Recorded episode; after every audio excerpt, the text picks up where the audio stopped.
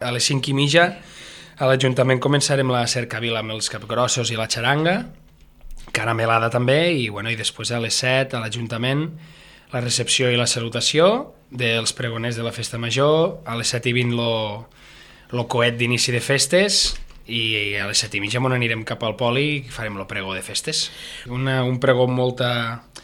molt de sabor calero, no?, amb l'entitat de, de la banda d'estany.